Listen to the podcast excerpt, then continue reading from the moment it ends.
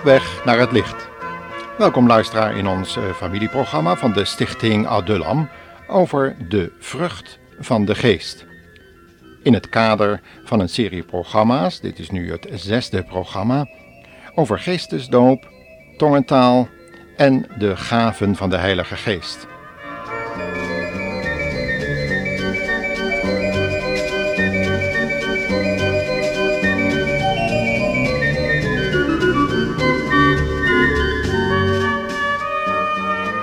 Aan het begin van deze uitzending willen we de luisteraar er alvast op wijzen dat er een serie bandjes beschikbaar is en ook de, de gesproken tekst op papier te verkrijgen is wanneer u schrijft naar de stichting Adulam, postbus 3504 in Curaçao. U kunt hierover corresponderen en vanwege het belang van het onderwerp, zoals gezegd, kunt u deze tekst ook opvragen. Vandaag willen we samen nadenken over de vrucht van de geest. Uit de vervolgserie dus van taal en teken. En de kerntekst is Galaten 5, vers 22. Daar staat het volgende. De vrucht van de Heilige Geest brengt betere dingen voort: liefde, blijdschap, vrede, geduld, vriendelijkheid, mildheid, trouw, tederheid en zelfbeheersing heerlijke gaven. Een fantastische, negenvoudige vrucht. En zoals een sinaasappel bestaat uit verschillende partjes die los van elkaar gezien kunnen worden en ook een heerlijke smaak hebben, zo heeft deze vrucht, deze negenvoudige vrucht van de geest, heerlijke effecten in het leven van werkelijk geestvervulde christenen. Laten we daar in deze uitzending samen aandacht aan besteden.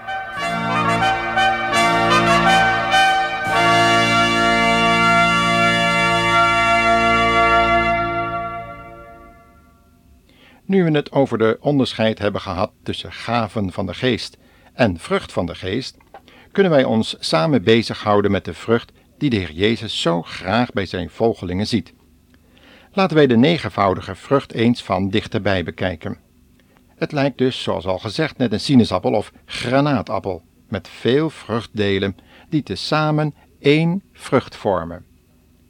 Het is niet voor niets dat het eerste vruchtdeel liefde wordt genoemd. En het is deze liefde die wij in de vorige uitzending al genoemd hebben. En die te bereiken zou zijn langs de weg van het kruis, oftewel de weg van de vernedering. In Galaten 5 vers 1 zegt Paulus dat gelovigen in de vrijheid mogen staan, waarmee Christus hen vrijgemaakt heeft.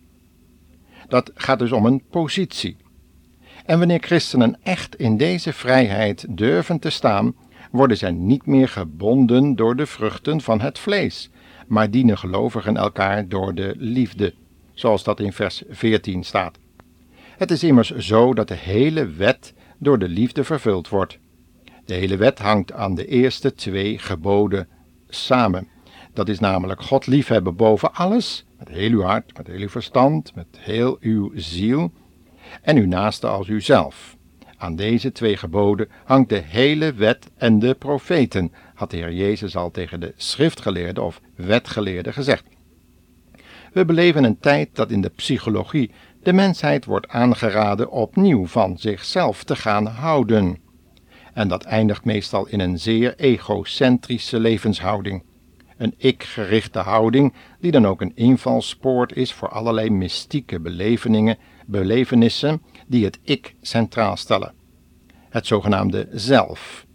De mens moet zichzelf verlossen. De mens moet zichzelf omhoog brengen. Krachten in jezelf losmaken, die in de ziel zouden huizen, om uiteindelijk aan zielsverhuizing te kunnen doen. En dan gelukkig te worden en één te worden met het al, zoals dat gezegd wordt. Dit is beslist niet de liefde die de Bijbel bedoelt en die anderen gelukkig kan maken. Met zelfverloochening heeft deze zelfliefde niets te maken. En met ons kruis opnemen, en dat nog wel dagelijks, nog minder. Toch is dit laatste noodzakelijk om de liefde van God te ervaren. Maar laten we eens luisteren wat uh, de stichting Vrouwen voor Vrouwen hierover heeft te vertellen, of beter gezegd, u voor te zingen in hun lied over de liefde van God.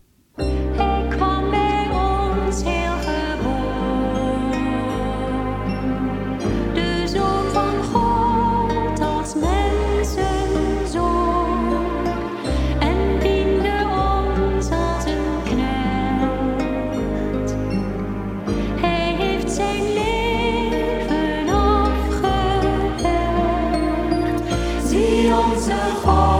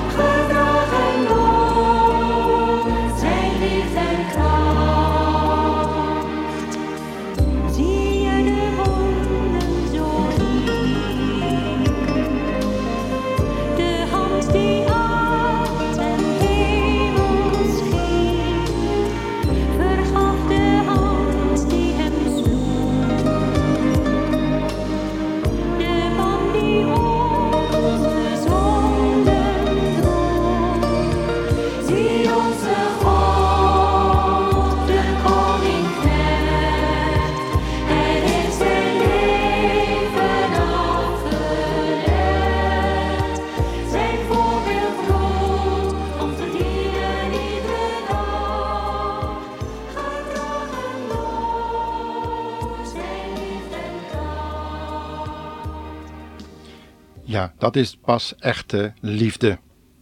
Die draagt, die kracht geeft en die ons de hoop geeft op eeuwig leven. Het tweede vruchtdeel heet blijdschap. De pas gedoopte Moorman uit Handelingen 8 bijvoorbeeld ging zijn weg met blijdschap verder, omdat hij de liefde van God had gezien in de kruisdood van de Heer Jezus. Hij geloofde dat zijn zonden vergeven waren, doordat de Heer Jezus de straf voor zijn zonden had gedragen. En vanaf dat moment liet hij zich leiden door het woord wat hij bij zich droeg. En Filippus de evangelist kon naar de achtergrond verdwijnen. Hij werd beslist geen slaaf van mensen, zoals helaas zoveel christenen blijken te zijn. Het derde vruchtdeel heet vrede. Dat is niet een vrede die door menselijke middelen bereikt kan worden, maar een vrede die God geeft wanneer wij ons gehele leven en al onze zorgen aan Hem toevertrouwen. De Heer Jezus gaf deze vrede met de woorden: Mijn vrede geef ik u, mijn vrede laat ik u. Dit had alles met zijn volbrachte werk en zijn opstanding te maken. Deze vrede van God bewerkt dat de gelovigen ook vrede met God hebben. In feite staat er in Romeinen 5, vers 1 dat de gelovige vrede bij God heeft. Maar in de praktijk betekent dat dat er ook een dagelijkse vrede met God ervaren kan worden. Het vierde vruchtdeel is geduld. Ook dat hebben we niet van onszelf, maar ontvangen wij nadat wij ons ongeduld als zonde aan Hem beleiden. Evenals het vijfde vruchtdeel, de vriendelijkheid, kan dit alleen in ons leven naar voren komen als wij het geduld en de vriendelijkheid van de Heer Jezus voor ons beseffen en de ruimte geven om Zijn vriendelijkheid en geduld in ons leven gestalte te laten krijgen. En dan zullen ook de vruchtdelen goedheid, trouw, zachtmoedigheid en zelfbeheersing naar voren komen. love.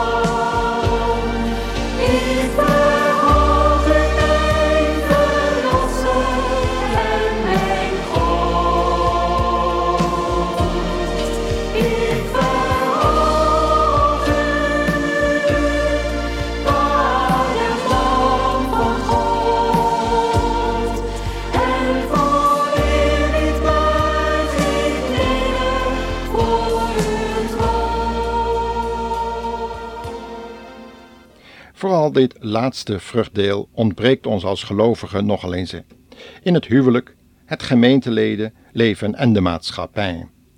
Het is vaak het gebrek aan zelfbeheersing dat voor problemen schept tussen mensen.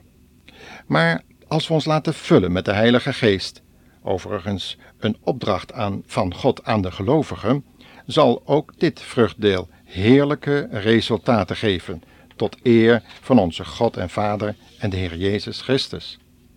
Wat een wrange bijsmaak hebben dan die vruchten van het vlees in Galaten 5 vers 19 tot 21. En wat zien we deze vruchten helaas ook onder christenen? Zou dit soms de oorzaak kunnen zijn dat er zo weinig mensen tot geloof komen? Beseffen we wel wat het betekent om als christenen tot één lichaam door de Heilige Geest gedoopt te zijn? Wordt dat werkelijk in praktijk gebracht? Laten we daarom nu de kernteksten uit 1 Korinthe 12, vers 12 en 13 er nog eens bijlezen. En dat rond de uitdrukking gedoopt tot één lichaam. En wat is dat eigenlijk? We beleven een spannende tijd. Overal maken mensen zich op om de zogenaamde nieuwe tijdbeweging welkom te heten. Nieuw AIDS noemen we dat. Een nieuwe eenheid schijnt in zicht te komen. Vele wereldreligies vinden elkaar en het christendom lijkt te hebben afgedaan, of schijnt de oorzaak geweest te zijn volgens hen van alle ellende op aarde.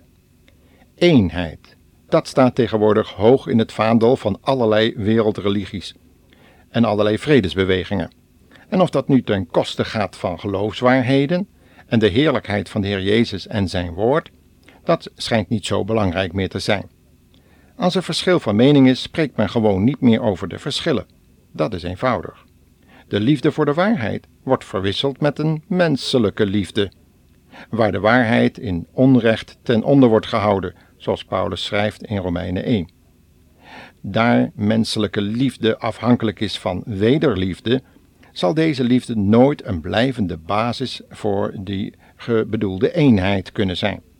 En de wereldgeschiedenis heeft dat wel bewezen.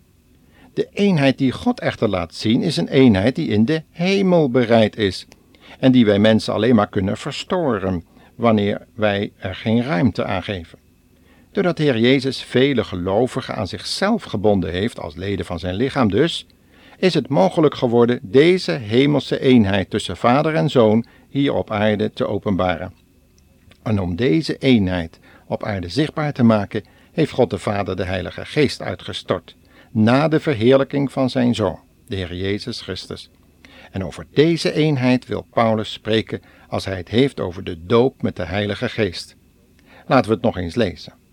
Want gelijk het lichaam één is en vele leden heeft, en al de leden van het lichaam, hoeveel ook, één lichaam vormen, zo ook Christus. Want door één geest zijn we allen tot één lichaam gedoopt.